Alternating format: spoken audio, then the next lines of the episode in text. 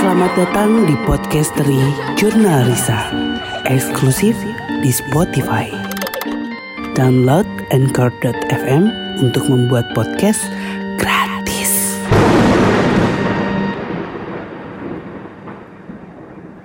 Assalamualaikum warahmatullahi wabarakatuh. Selamat datang di podcastery Jurnal Risa. Jangan lupa podcastery hadir di telinga kalian setiap hari Senin, Rabu, dan Jumat. Karena sekarang podcastery Jurnalisa eksklusif di Spotify. Hmm, giliran saya nih sekarang hari Senin. Dan yang pasti buat kalian yang dengerin saya Senin lalu, pasti kalian penasaran banget. Lanjutannya gimana ya? Setelah akhirnya bertemu lagi dengan Peter CS. Udah gitu mereka punya keinginan. Dan keinginan itu adalah sesuatu yang sebenarnya sangat berat. Yaitu mereka menginginkan kematian saya. Mungkin kalian semua akan berpikir, kematian. Dan seseorang yang memilih untuk segera mati biasanya orang tersebut tidak dalam keadaan baik-baik saja. Entah depresi, entah memiliki banyak masalah, punya hal-hal yang tidak bisa diungkapkan kepada orang lain. Tapi ini berbeda. Saya berencana untuk mati dalam keadaan yang sangat baik, bahkan jauh lebih baik daripada sebelumnya. Pada saat itu saya happy banget karena akhirnya saya ketemu lagi sama Peter CS. Kehidupan saya yang sempat hilang kembali lagi. Rasanya bahagia banget. Akhirnya mereka mau muncul lagi. Akhirnya hubungan kami seperti dulu lagi. Walaupun kali ini berbeda karena kami sama-sama tahu bahwa kami ini sangat berbeda. Saya manusia, sedang mereka hantu. Walaupun memang untuk menjalani hubungan pertemanan ini, kami harus backstreet, menyembunyikannya dari keluarga, terutama dari kakek saya yang jelas tidak suka mengetahui cucunya berteman dengan hantu. Kita balik lagi sedikit. Saat itu Peter meminta saya untuk mengakhiri hidup di umur 13 tahun. Karena di antara kelima anak itu, Peter yang paling tua. Dia yang berumur 13 tahun. Dan mereka berlima berpikir saya nggak boleh lebih tua dari semuanya. Kalaupun paling tua ya tidak melebihi umur Peter. Harus 13 tahun. Dan saya mengiyakannya dengan sukacita. Pikiran-pikiran tentang kematian yang menyenangkan selalu ada di dalam kepala. Mereka mempengaruhi saya. Mereka selalu bilang, menjadi dewasa itu tidak menyenangkan, Risa. Kau akan menjadi tua, kau akan menjadi pemarah, kau akan memiliki banyak sekali masalah, kau akan sering menangis, dan kau belum tentu akan bahagia. Suatu saat juga orang-orang yang kau sayang akan mati. Kamu tidak mau kan? Melihat mereka mati, lebih baik kamu yang mati duluan. Karena nanti kamu yang akan menyambut mereka. Rasanya menyenangkan banget ya. akan menyambut orang-orang yang saya sayangi ketika kelak mereka mati. Hmm, ide yang sangat bagus. Belum lagi mereka bilang, kita akan bermain selama-lamanya. Tidak akan ada lagi yang mengganggu kita. kita akan menjadi sama, sama-sama hantu. Hal itu yang terus-menerus ada di dalam kepala saya. Hal itu pula yang terus-menerus mereka bisikan di telinga saya. Hingga akhirnya tekad saya untuk mati semakin bulat. Saya harus bagaimana? Tanya saya kepada mereka. Ya, Kau boleh menghabiskan banyak waktu dengan orang-orang yang ada di sekelilingmu, misalnya dengan adikmu, saudara-saudaramu, mama papamu, kakekmu. Kami tidak akan mengganggu, karena mungkin mereka nanti akan kehilangan kamu. Tapi kamu tidak perlu khawatir, Risa. Kamu tahu sendiri, kakekmu bisa melihat hantu saudara-saudaramu bisa melihat hantu. Apakah kamu tahu mamamu juga bisa melihat hantu loh? Oh ya? Saya agak kaget saat itu. Mama bisa lihat hantu. Ya, tapi dia tidak bilang. Sebenarnya dia juga melihat kami. Itu hal yang baru buat saya karena selama ini kan mama tuh selalu paling histeris kalau ada sesuatu kejadian yang menimpa saya. Saya nggak pernah berpikir bahwa mungkin aja kemampuan saya ini diturunkan oleh mama. Tapi ya dengan sikap mama yang sangat penakut, selalu shock dengan cerita-cerita saya, rasanya nggak mungkin kalau mama juga berkecimpung dalam hal seperti itu. Tapi ya sudahlah, mungkin selama ini memang mama menutup-nutupi. Tapi kabar baiknya, Berarti kalau saya mati, Mama bisa tetap melihat saya dong. Lalu mereka menambahkan, belum lagi adikmu. Adikmu bisa melihat hantu juga kan?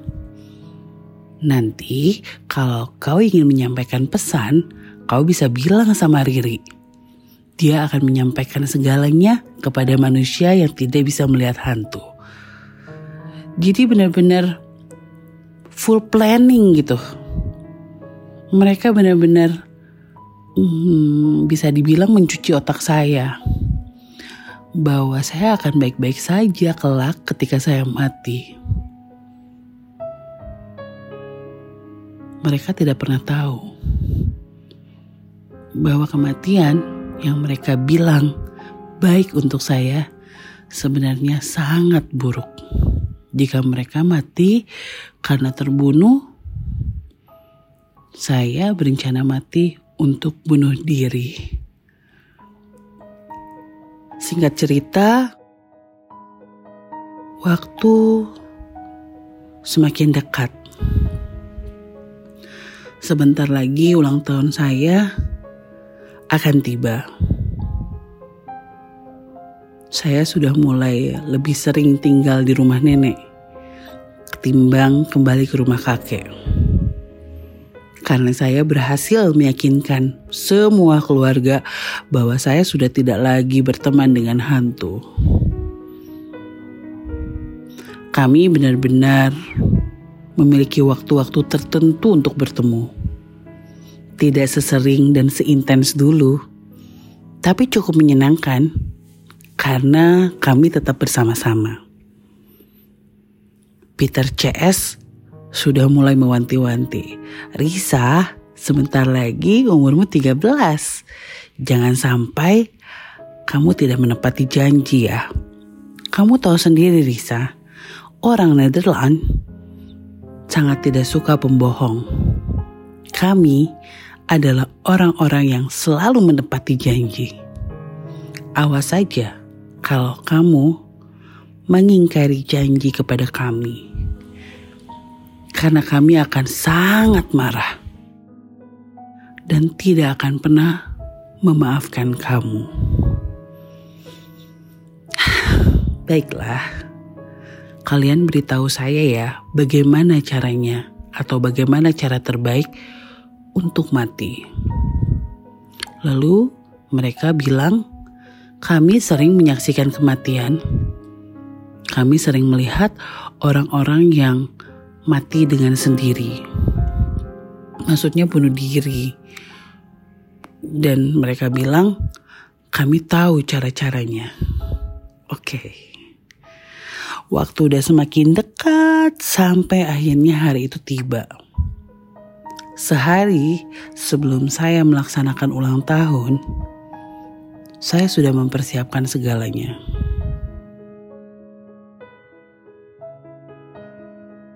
Ada dua cara yang mereka anjurkan agar saya mati dengan cepat tanpa rasa sakit. Yang pertama, minum obat-obatan. Saya membeli obat warung, mereka yang tunjuk, mereka yang pilih sekitar 10 butir karena satu strip. Lalu yang kedua, mereka menyuruh saya membeli cutter karena mereka bilang takutnya percobaan pertama tidak berhasil. Kita coba dengan cara lain. Pada saat itu saya nurut-nurut aja. Saya bahkan pergi ke satu toko buku besar dan mereka nunjuk cutter yang paling pas untuk persiapan kematian saya. Saya membeli itu sendiri. Obat pun saya beli itu sendiri. Dan hingga akhirnya saat itu tiba, tepat pada pukul 12 malam, kami semua berkumpul di kamar. Risa, apakah kau siap? Ya, saya siap sekali.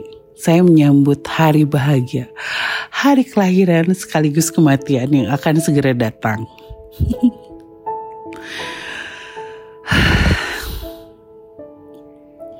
Kami berkumpul, bermain-main. Saya bisa lihat dalam tawa mereka ada sedikit ketegangan di wajah mereka. Entah karena tegang menyambut kematian saya atau tegang karena takut cara mereka untuk saya mati tidak berhasil. Pada saat itu saya berusaha santai setelah berbicara sebentar, akhirnya saat itu tiba. Saya mengambil 10 butir obat dan saya meminumnya sekaligus. Peter bilang, "Kamu tidak akan merasakan sakit apa pun. Sekarang kamu tidur saja. Nanti ketika bangun, kamu sudah ada bersama kami."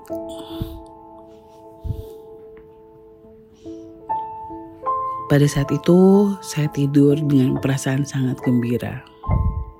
Karena saya tahu, kematian yang akan saya hadapi katanya tidak menyakitkan. Setelah minum obat, rasanya ngantuk sekali. Mungkin saya akan mati dalam tidur. Akhirnya, saya memutuskan tidur.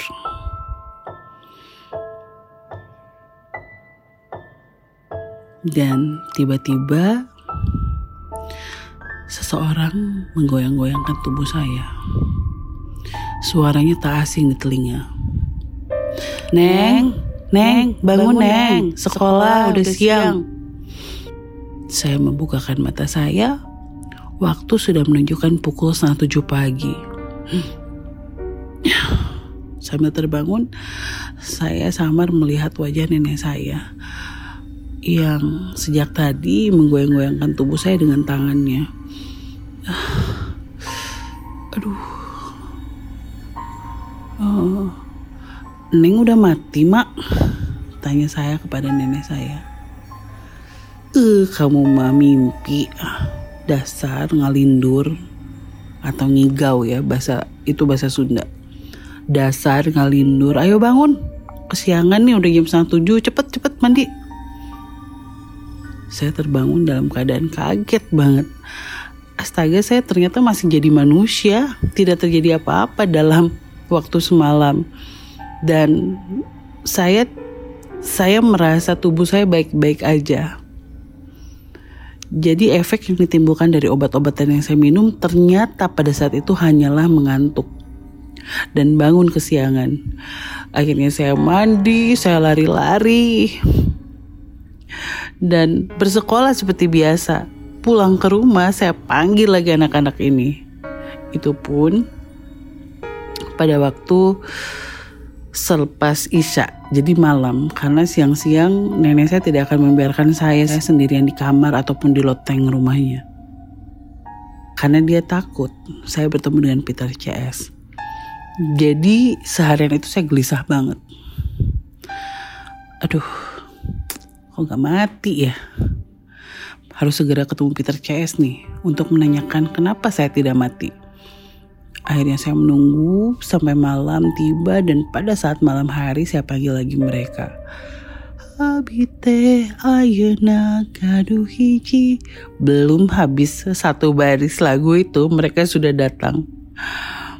Risa ternyata gagal ya. Ternyata tidak berhasil. Tidak apa-apa jangan khawatir. Kami punya cara lain. Oke? okay. Tidak perlu menjelaskan panjang lebar kenapa tidak berhasil. Mereka terlihat sangat kecewa, sekaligus kaget. Karena ternyata saya baik-baik aja dengan cara yang mereka lakukan. Oke, okay, akhirnya mereka menyuruh saya membawa cutter yang kami beli di toko buku tempo hari. Ah, apa yang harus kulakukan dengan benda ini? Lagi-lagi Peter menjawab, kau hanya tinggal mengeluarkan benda tajam dari dalam sana, lalu kau goreskan di lenganmu bagian bawah. Nanti akan sakit. Saya bertanya seperti itu. Lalu dia kembali menjawab, hmm, sakit sedikit. Biasanya tidak lama kemudian kau akan mati. Saya sering melihat yang seperti itu. Entah kenapa pada saat Peter bicara yang lain tuh hanya diam. Biasanya kan Hans Hendrik tuh selalu menimpali, apalagi Jansen yang selalu banyak bicara, tapi semua diam. Dan saya bisa jelas melihat wajah William. Dia terlihat sangat khawatir. Soalnya dia tidak setuju pada apa yang disampaikan Peter kepada saya. Tapi ya sudahlah. Peter bosnya. Saya mendengarkan dia. Saya ambil cutter itu. Suasananya semakin tegang, agak tegang sih. Karena saya tahu ini akan sakit. Saya nggak suka melihat darah. Saya nggak suka sesuatu menusuk kulit saya. Saya coba keluarkan isi dalaman cutter itu. Kalian bisa ngebayangin kan alatnya seperti itu cutter dipencet bawahnya keluarin gitu. Tahu gak sih, pada saat melakukan itu, benar-benar cutter yang saya pegang itu tidak berfungsi, tidak bisa keluar, macet. Benar-benar setelah saya coba berdiam dulu, saya kasih tenaga untuk ngeluarin, sama sekali nggak keluar, macet bener-bener. Sampai akhirnya saya ketuk-ketuk, saya coba lihat lagi apa yang salah, apa yang membuat macet. Tidak terselesaikan. Dari yang saya takut karena hendak melukai diri, lama-lama tuh kesel gitu. Kenapa ini? Kenapa nggak bisa ya? Mereka juga tampak Enggak sih, enggak mereka. Peter doang sih. Peter tampak tanpa kecewa. Sementara eh, kok William kelihatan lebih lega ya? Gak tahu perasaan saya, tapi ada seg segurat senyum di wajah William. Maaf, maaf Peter ini tidak berhasil. Hmm, saya harus bagaimana? Lalu Peter menjawab, kita coba cara yang paling menyakitkan tapi pasti akan membuat kamu mati. Wah, dengar itu saya tegang banget. Mendengar kata-kata itu, saya agak takut. Merinding seketika. Menghadapi cutter yang akan melukai kulit saja, saya udah menganggap itu sangat menyakitkan. Pasti akan menyakitkan. Nah sekarang Peter bilang dia dia punya cara yang cukup menyakitkan tapi pasti akan membuat saya mati. Hal itu membuat kepala saya terus-terus berputar semalaman. Sementara anak-anak itu udah pergi. Mereka pergi. Entah karena kecewa, entah karena apa, tapi Peter meminta mereka semua pergi. Dan Peter bilang besok mereka akan menemani saya pergi ke sekolah untuk melakukan cara yang ketiga. Hampir beberapa jam saya tidak bisa menutup mata. Berkali-kali kepala saya mulai bertanya, sebenarnya setelah dua kali percobaan ini, saya tidak mati. Apakah sebenarnya Tuhan belum mengizinkan saya untuk mati ya? Seolah-olah ada sesuatu yang menahan saya untuk tidak berhasil melakukan itu. Ada perasaan-perasaan seperti itu muncul.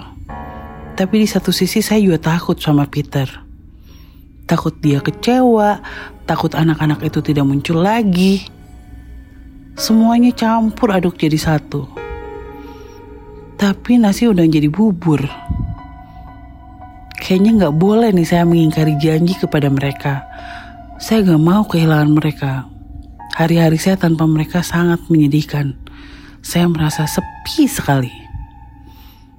Hmm, ya sudahlah. Kita coba cara yang ketiga besok. Keesokan paginya, saya bangun lebih pagi dari biasanya. Pukul setengah enam biasanya kan selalu kesiangan. Saat itu pagi banget. Saya buru-buru mandi, pakai seragam, pamit kepada nenek saya.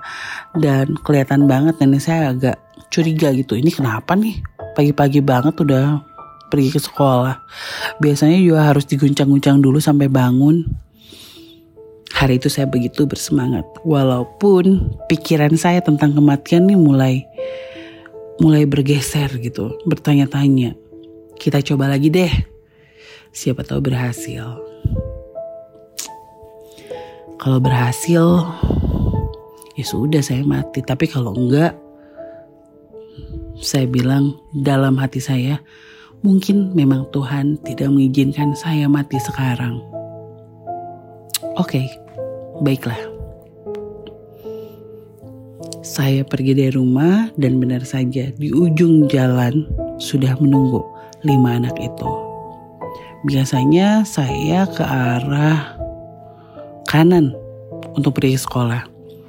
Tapi mereka bilang, tidak, tidak. Peter bilang, ke sebelah sini saja Risa, ke sebelah kiri. Karena memang anak-anak yang lain itu tetap diam, mereka nggak bicara sama sekali dan lagi-lagi wajah mereka terlihat khawatir. Akhirnya saya nurut apa kata Peter dan dia bilang kamu harus naik mobil berwarna putih. Oh angkot, ya oke oke. Memang tidak jauh dari rumah saya ada angkot berwarna putih. Saya biasanya kalau lagi males jalan pergi ke sekolah, saya pakai angkot itu. Tapi kayak nggak berguna sih, karena itu deket banget jaraknya. Tapi ya sudahlah. Peter meminta saya naik angkot ya udah. Dan sedikit informasi, saya agak kurang suka naik angkot itu karena ngebut banget. Nggak semua sih, tapi sering kali saya naik angkot itu dan supirnya tuh nyetirnya ugal-ugalan gitu. Sebagai anak kecil yang kurus kecil gitu, biasanya kalau angkotnya penuh sih nggak apa-apa, tapi ketika kosong saya terombang ambing gitu dan agak sakit badan. Tapi pada saat itu Peter meminta saya untuk melakukan hal itu. Dan pagi-pagi hmm, ada sih. Apa sih ada yang naik sih. Tapi biasanya nggak seramai kalau jam setengah tujuh atau jam tujuh. Ini jam enam. Masih kosong. Aduh pasti pegal banget badan. Akhirnya saya menyetop angkot. Dan saya lihat ada seorang ibu di dalamnya. Mereka semua naik duluan. Peter belakangan. Ayo Risa naik. Oke, saya naik. Dan saya duduk agak ke dalam. Lalu Peter bilang, terlalu dalam. Kamu harus duduk dekat pintu keluar. Wah udah mulai gak enak nih perasaan deg-degan banget mau ngapain ya. Saya duduk di situ. Lalu sesuai dugaan angkotnya ini agak ugal-ugalan ngebut banget sampai sampai pas belokan pun digas gitu kebayangkan hebohnya duduk di kursi artis kalian ngebayangin gak sih saya disuruh duduk di kursi artis itu yang ada di tengah-tengah. Padahal itu kondisinya kosong. Biasanya kalau duduk di situ itu tuh terpaksa kalau penuh angkotnya. Dan ini dalam keadaan kosong hanya ada satu ibu-ibu saya duduk di tengah. Ya udahlah. Asal Peter senang. Pada saat angkot sedang melaju kencang-kencangnya di depan sana terlihat ada belokan yang lumayan tajam lalu Peter tiba-tiba berteriak sebentar lagi kamu harus loncat Hah? Loncat? Itu saya agak kaget, saya langsung lihat ke kiri. Hah? Loncat? Iya, Ya, kau harus loncat, kau harus lompat dari mobil ini. Satu, dua. Pada hitungan ketiga, saya mulai mengubah posisi duduk saya dan saya meloncat dari angkutan umum yang kami tumpangi. Mata saya terpejam, tubuh ini rasanya melayang, siap-siap akan mati nih.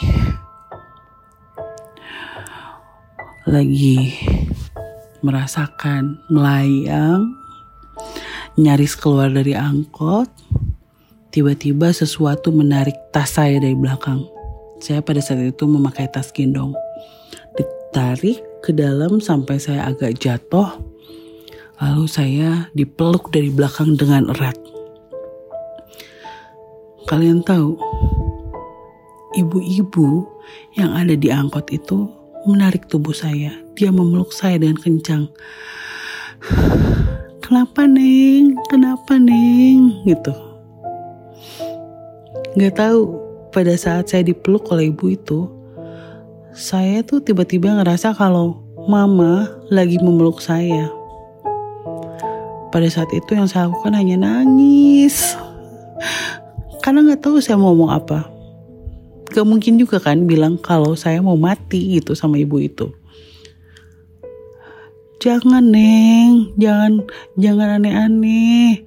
Neng masih kecil, hidup masih panjang. Pakai bahasa Sunda. Pada saat mendengar kata-kata itu tuh benar-benar kayak des gitu ada sesuatu yang ya iya sepertinya Tuhan masih ingin saya hidup belum saatnya. Ini udah yang ketiga kalinya saya mencoba. Tapi saya tidak tidak juga mati. Saya bisa lihat wajah Peter begitu marah. Anak-anak lain yang berwajah tegang. Tak terkecuali William. Yang sama-sama terlihat sangat pucat saat itu. Sambil menangis, saya melihat ke arah Peter. Saya gelengkan kepala saya. Seolah-olah sedang berkata, belum saatnya saya mati.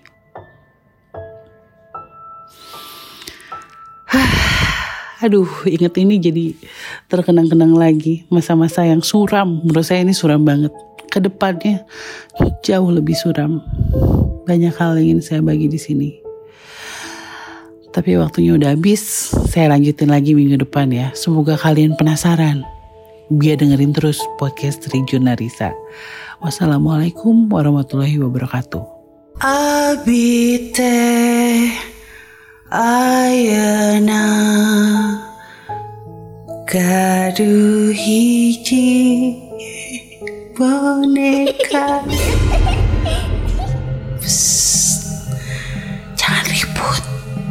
Peter, Hans, Henrik, Jansen, William, Podcastery Jurnal Risa, eksklusif di Spotify.